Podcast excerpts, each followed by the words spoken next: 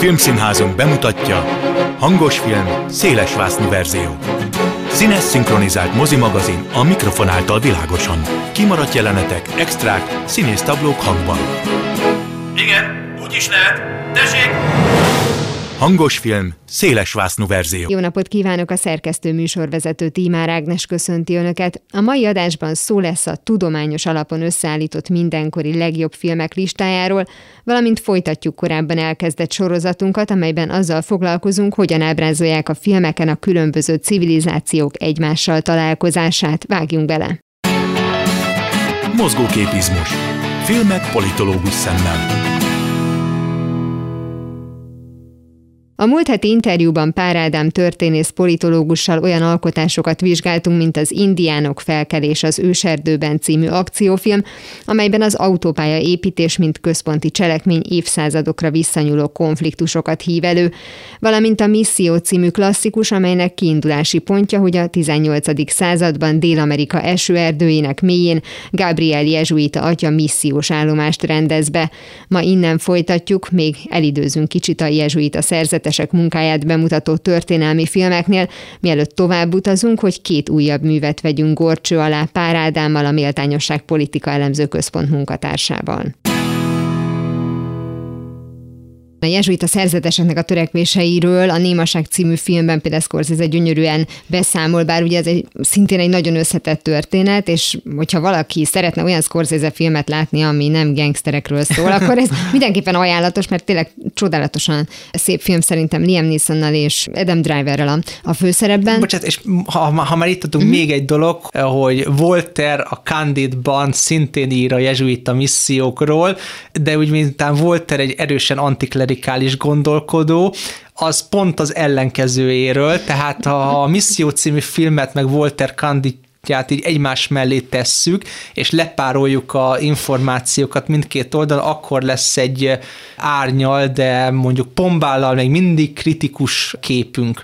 Egyébként Volter nagy fegyverkereskedő is volt, és például a hajóján fegyvert vitt a portugáloknak. Hát ez egy kis adalék Igen, a történethez. Rit- ritkán tanulunk történelem órán. Szóval azért emeltem csak be a, a Némaság című filmet, itt a földrajzi ugrás kapcsán, mert hogy ugyan bár jezsuita szerzetesek, de hát az már ugye Ázsiában, vagy legalábbis ugye keletebbre utazva történik. Mi most nem ezzel a filmmel mm. foglalkozunk, csak így összekötöttem tulajdonképpen a történetet. Az utolsó szamurájról fogunk beszélgetni a folytatásban, ami hát itt most akkor teljesen elengedjük az amerikai őslakosokat, itt most teljesen más sztori van, de annyiban mindenképpen van egy ilyen hasonlóság, hogy ugye a főhősünk, a Tom Cruise által játszott katona, itt már az összes hadi cselekménye után van a történet elején, már látjuk is, hogy alkohol problémái vannak, és ugyanazokat a cirkuszi rócsókat csinálja, amiről egyébként ugye Ülőbika kapcsán is beszéltünk, vagy mondjuk a nagyobb békebírók, akik a saját történeteiket eljátszották, hogy ő vele is újra elmondatták, újra eljátszották a sztorikat, tehát lényegében ő már egy megcsömörlött ember, amikor hát az, az élet, a sors úgy hozza, hogy a szamuráj kultúrával találkozik, és ez egyfajta új dimenziót ad az életében, uh-huh. tehát tulajdonképpen itt az értékeknek a, az ütköztetéséről van. Szóval tehát, hogy ugyan földrajzilag ugrottunk, de az alapkérdések itt újra ugyanazok lesznek, azt uh-huh. hiszem.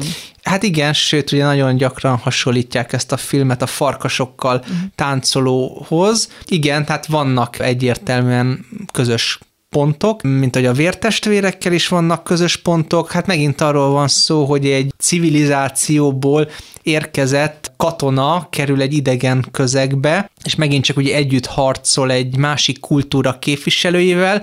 Most az a nagy különbség például az eddigiekhez képest, ugye eddig azért olyan kultúrákról volt szó, amelyek eléggé egyértelműen hát áldozatok abban az értelemben, hogy ugye egy nagyobb egységen belül egy kisebb népcsoport vagy népcsoportoknak a hálózatáról volt szó, itt viszont egy polgárháború van, tehát az utolsó szamura egy polgárháborús helyzetbe visz minket, hiszen a Meiji császár 1868-ban, amikor puccsal megdöntötte a shogunátust, akkor elhatározta a preventív nyugatosítást, tehát hogy vagy felzárkózunk a nyugathoz, vagy pedig ugye eltaposnak bennünket. Hát ez ugye azóta is a fejlődő országoknak a dilemmája, hogy mi a jó recept. Ugye az egyik recept az, amit Meiji követett, meg aztán később még nagyon sokan, hogy egyértelműen egy modernizáció, nyugatosítás, de erőltetett menetben. Most nyilvánvalóan, hogy ennek vannak azért károsultjai, meg kárvallottjai, ugye ilyen a, a szamuráj réteg, mint a filmben látható, illetve a, a szamurájoknak a gazdái, tehát úgymond a egyes tartományi kormányzók, meg nagyobb földbirtokosok, akik pedig adott esetben ellenállnának a nyugat nyomulásának. Csak hát ugye ezt nem tudják megtenni, mert a császár egy egészen más külpolitikai dimenziót tűzött ki maga elé. Tehát a császár Kína példájából azt a következtetést vonta le, hogy be kell engedni a nyugatot, a nyugati kereskedőket, a nyugati ipart Japánba, míg ugye vannak olyan idegen ellenes csoportok, amelyek pedig azt mondják, hogy nem, és aztán a mi egyébként ír származású amerikai főhősünk szamurájok fogságába esik, de egész pontosan egy nagy hűbér úrnak a birtokára kerül, és akkor ugyanazt látjuk, mint a farkasokkal táncolónál is, hogy hogy szépen lassan megismerkedik az életmóddal, és elkezd eltávolodni a saját kultúrájától, barátságba kerül a hűbér úrral, és aztán a legvégső ütközetben már vele együtt harcol a császári csapatok. Az egyébként nyugati módra kiképzett, nyugati fegyverzettel ellátott, nyugati egyenruhát viselő, részben nyugatiak által vezetett japán császári csapatok ellen. És azért nagyon támadták Hollywoodban ezt a filmet, amerikai konzervatív körök támadták, hogy a japán kultúráról kicsit ilyen rózsaszín képet festett a film, és ahhoz képest az amerikait meg a nyugatit nagyon dehonestálónak mutatta be. Igen, egyébként nagyon érdekes, hogy az indiános filmeknél ezt nem éreztem, itt egy kicsit ezt éreztem én is, és egyébként többek között a szamurájok sem álltak azért minden tekintetben egyenlően a fejlődés, vagyis hát a nyugatos modernizáció ellen, Például csak egy érdekesség, ugye Japánban gőzerővel hozták létre az iskolákat, tehát valami több mint 500 középiskolát, meg több ezer általános iskolát hoztak létre a semmiből, na de hát nem volt abban tanerő, és többek között az oktatói gárda először a szamurájoknak a kasztjából érkezett, az egyik kedvenc eh, japán filmrendezőm Kurosawa Akirának a az édesapja is szamurájként tanár, illetve igazgató lett. Tehát, hogy voltak, akik megtalálták az új közigazgatásban az életpálya modellt, így van, és 1877-ben volt ugye ez a nagy csata a lázadó szamurájok és a császári csapatok között, de tulajdonképpen ez azért egy eléggé rövid konfliktus volt, tehát a szamurájok jelentős része a közigazgatásban, meg a oktatási rendszerben, hát meg hát persze persze részben a hadseregben is megtalálta maga számítását. Menjünk tovább, méghozzá egy másik országba. Kilométerben számítva azért elég messze, csak úgy szeretjük összemosni az ázsiai kultúrákat. Uh-huh. A 7 év Tibetben című Igen. filmről lesz szó, ami egy regényen alapszik, sőt, hát ugye valós történetek uh-huh. dolgoz föl, ugye Brad Pittel a főszerepben, ahol úgy döntött, uh-huh. hogy megmutatja, hogy ő színész. Aztán mindenki dönts el, hogy sikerült neki, uh-huh. de legalábbis David Tulis, aki a hát később bajtársát alakítja, tényleg fantasztikusan jó benne. Nek hát gyönyörű képeket látunk, és újra ugyan ugyanazzal a, a jelenséggel találkozunk, hogy van egy olyan főhősünk, akivel semmiképpen nem tudunk azonosulni, sőt kifejezetten arrogáns figura, és egy olyan élethez... Ráadásul a náci pár tagja. Hát igen, most nyilván... Ezt mondjuk nem, nem tolták a néző arcába, csak igen, ezt... Finom, ezt csak úgy finoman jelezték, hogy hát tulajdonképpen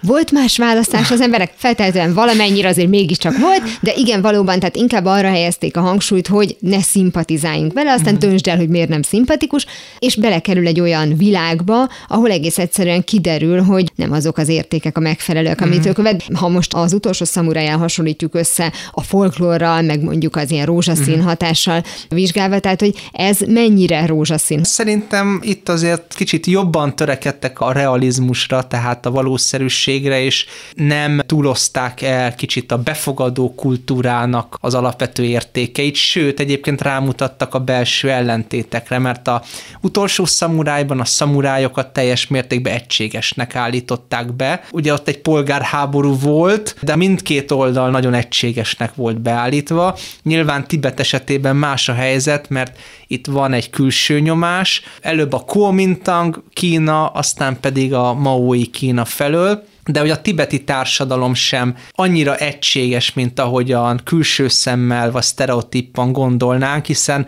pont ugye a filmben az egyik fő konfliktus ebből fakad, hát így rögtön a közepébe csapjunk, hogy végső soron a tibeti, tibetiek egy, egy része hát ellenállna a Kínának, a nagy csata után is egy gerilla háborúra berendezkedne, miközben a régens, tehát a dalai láma helyett uralkodó régens által kinevezett kormány, meg annak a feje Jigve, pedig leteszi a fegyvert a kínaiak előtt, és arra hivatkozik, hogy ez a legjobb Tibetnek, hát egyébként Kínának is, de, de Tibetnek, és akkor Harrer, a főszereplőnk pedig eléggé modortalanul kioktatja a végén, sőt ugye visszaadja neki az ajándékba adott kabátot, ami hallatlan sértés Tibetben. És hát ugye hosszú életet kíván Harrer Jigvének, mert hogy ilyen gyalázatot követett el. Egyébként hosszú élete is lett, mert 1910-től 2009-ig élt. Azt Igen, szóval valóban végigélt a 20. századot, ez nem csak egy retorikai elem, és ő a tibeti arisztokráciának azon részéhez tartozott, amelyik reformokat szeretett volna, tehát kezdettől fogva a tibeti állam megreformálását kívánta elérni. Na most hát a reform az nem egy polgári állam felől érkezett, hanem sajnálatos módon egybe lett kötve egy kommunista és ateista és egyházüldöző Kínának a megjelenésével, és hát ugye Jigve egyébként végig a tibeti államban, mint kínai barát politikus ott politizált, tehát nevezhetjük őt magyar terminológiával nézve egy társutasnak, kommunista párt társutassának, tehát Maóval is jobban volt, meg ilyen bizottsági tag volt, olyan bizottság, meg még Makaónak a bizottságába is beválasztották. Tehát, hogy voltak, akik a vörös kommunista Kínában is meglátták azt az erőt, amelyik a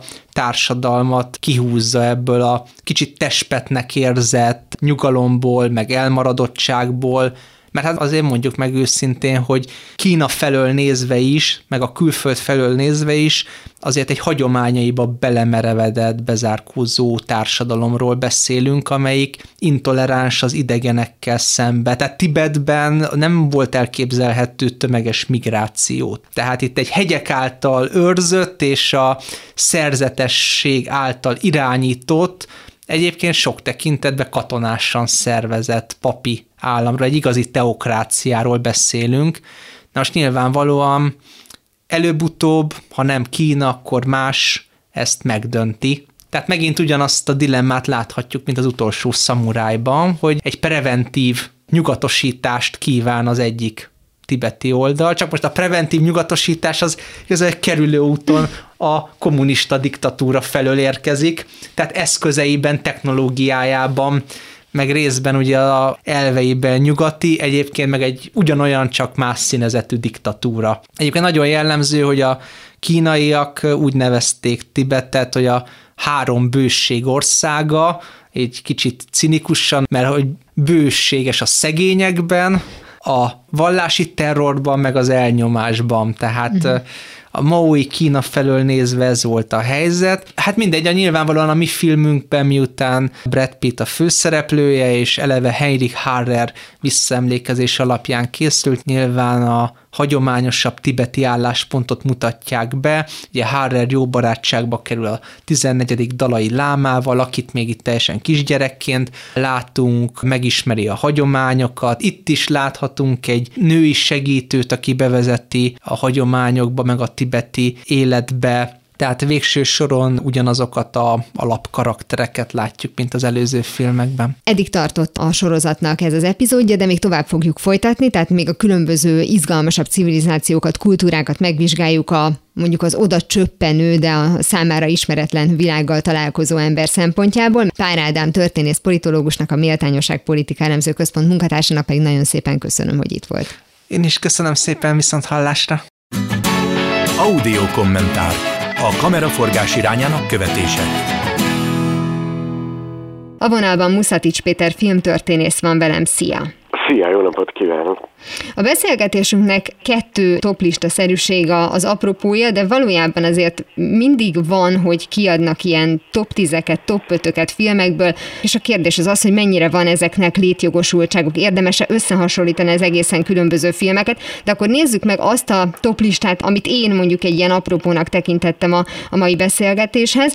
Összeállítottak tudományos alapon, ami önmagában már magyarázatra szorul, egy olyan listát, ami szerint meghatározható, hogy mi az a nyolc film, amit hát mindenképpen látnia kell az ember fiának és lányának. Van-e értelme ezeknek, vagy ez csak arra jó, hogy készül egy cikk? Ugye nagyon régóta rangsorolják a filmeket, ugye ismert a, a brüsszeli 12 uh-huh. 50-es évekből, aztán ugye a 60-as években, 1968-ban a budapesti 12 született meg, 2000-ben lett egy új budapesti 12.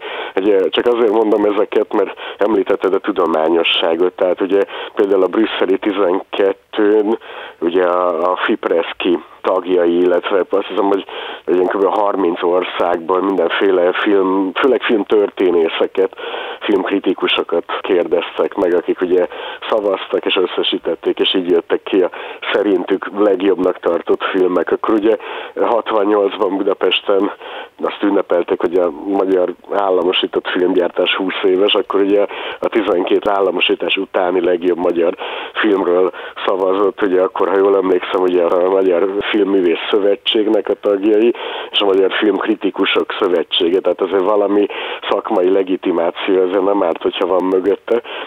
És ugye akkor nagyon jól ismert ugye a Sight and Sound nevű brit szaklap, a lényegében a BFI-hoz, tehát a Brit Film Intézethez tartozik. Az ő tíz évenkénti szavazása egyébként ugye ezt majd jövő év elején fogják nyilvánosságra hozni, mindig adott évtized első-második évében van a, a szavazás arról, hogy hát most már nem tudom, több mint száz országban ugye filmalkotók és filmkritikusok, illetve filmtörténészek mit tartanak a világ legjobb filmjeinek. Ezt egyébként ajánlom a hallgatóknak, nagyon érdekes ezt böngészni, és sok évtizedre visszamenően visszakereshető, hogy kik miket tartottak a világ legjobb filmjeinek. Olyan csemegék vannak itt, hogy mit tudom én, Martin Scorsese, vagy Quentin Tarantino, vagy Leonardo DiCaprio, vagy nem tudom kicsoda, mit tart a világ tíz legjobb filmjének. Nagyon érdekes, hogy persze hát van változás, de általában mindig ugyanaz a 5-10 film bukkan föl. Tehát van egy bizonyos minimális paradigmaváltás, de azért bizonyos filmtörténeti alapfilmeknek a, a nagysága az úgy nem kérdőjeleződik meg, tehát ugye ez Orson Welles-nek a Citizen Kane, tehát Aranypolgár című filmje, az ugye biztosan, ha nem első, akkor második, harmadik, negyedik helyen ott van, vagy a Francis Ford Coppolának a Apokalipszis most, vagy a Keresztapa című filmjei, vagy a Friedrich Wilhelm Murnaunak a Sunrise, tehát Virradat című filmje, és valamelyik Chaplin film, Eisenstein egy filmje, akkor ugye nagy amerikaiak közül olyanok, mint mondjuk a John Ford biztos szerepel egy filmmel,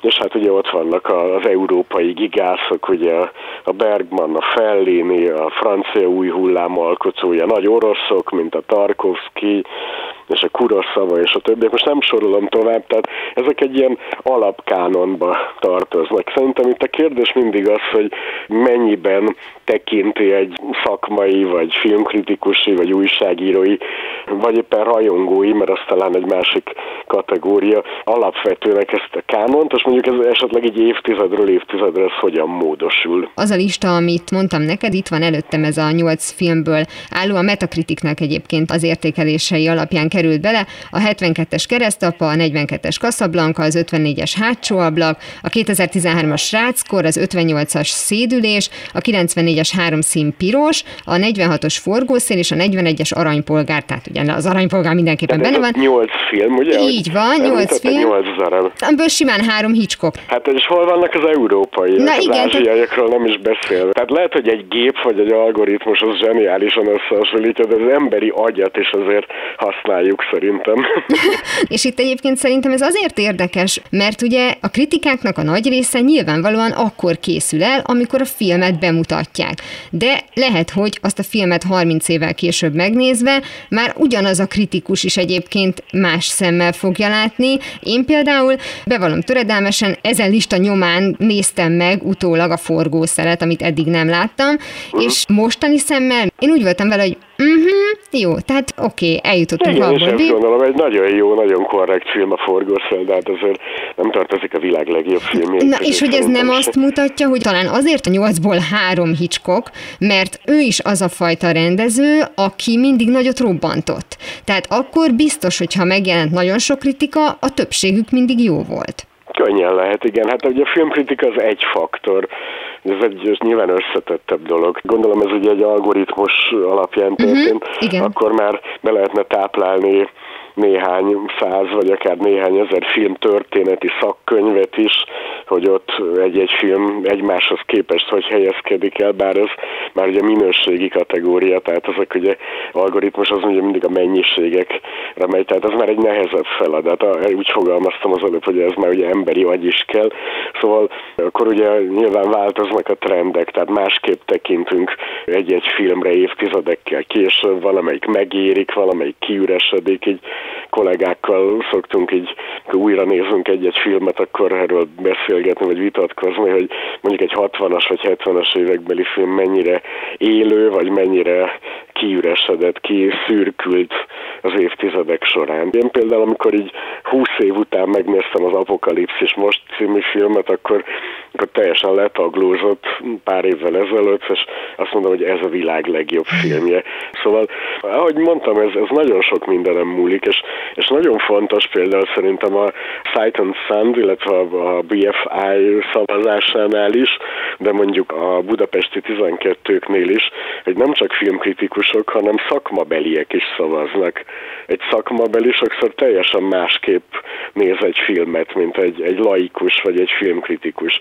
Szerintem az a jó lista, ami nagyon sokféle szempontot fog össze. Lehet, hogy mondjuk, ha nem is konkrétan az IMDB-nek a listája, de az ilyen jellegű listák állnak a legközelebb talán a valósághoz, hiszen ott az átlagnézőtől kezdve a szakmabelin át, a filmtörténészen és a filmkritikuson keresztül mindenki pontozhatja a filmet. Én veszélynek csak azt érzem ebben, ugye, ha valaki fölmegy az imdb.com-ra, akkor például ezt a 250-es listát megtalálja, ami a, a legjobb filmeket tartalmazza, hogy ugye mindig, amikor valami már említetten robban, akkor persze, hogy fel fogja tolni a pontszámot, tehát valójában egy friss filmnek az eredményeit soha nem szabad összehasonlítani, például mondjuk az aranypolgáréval. És ezt csak azért hoztam föl, mert ez viszonylag egy friss hír, hogy a remény rabjait, ami nagyon régóta tartotta magát az első helyen, most letaszította egy indiai alkotás, mert hogy a nézői szavazatok alapján a remény rabjai 9,3 volt, és akkor ő meg 9,6-ot kapott, csak az IMDb azzal ellensúlyozta ezt a számot, hogy hozzávette azt is, hogy de hányan látták. Hát egyrészt ez az IMDb számadat is egy mennyiségi és nem minőségi kategória, tehát ez megint csak rímel arra, amiről korábban beszéltünk. Másrészt pedig én azt gondolom, hogy azért nagy távlatból, vagy hosszú távon azért kiegyenlítődnek ezek a dolgok. Tehát, hogyha mondjuk egy, lehet, hogy egy kritikus nem szereti, de hogyha mondjuk írnak 30 kritikát egy filmről, akkor ott már valószínű megoszlanak a vélemények, hogyha valóban jó az a film, ha valóban van valami érték benne, és hogyha kimagasló, akkor meg lehet, hogy éppenséggel kell egy kis idő, hogy beérjen a film, és hogy elérje a közönségét. Csak egy példát mondok, hogy ez a mások élete, a uh-huh. Florian Henkel von Donnersmarcknak a filmje, ami ugye Oscar díjat nyert egy olyan 10-15 évvel ezelőtt egy német film. Ugye nagyon érdekes, egyszer így áttanulmányoztam a recepció történetét nézők szempontjából, illetve kritika szempontjából.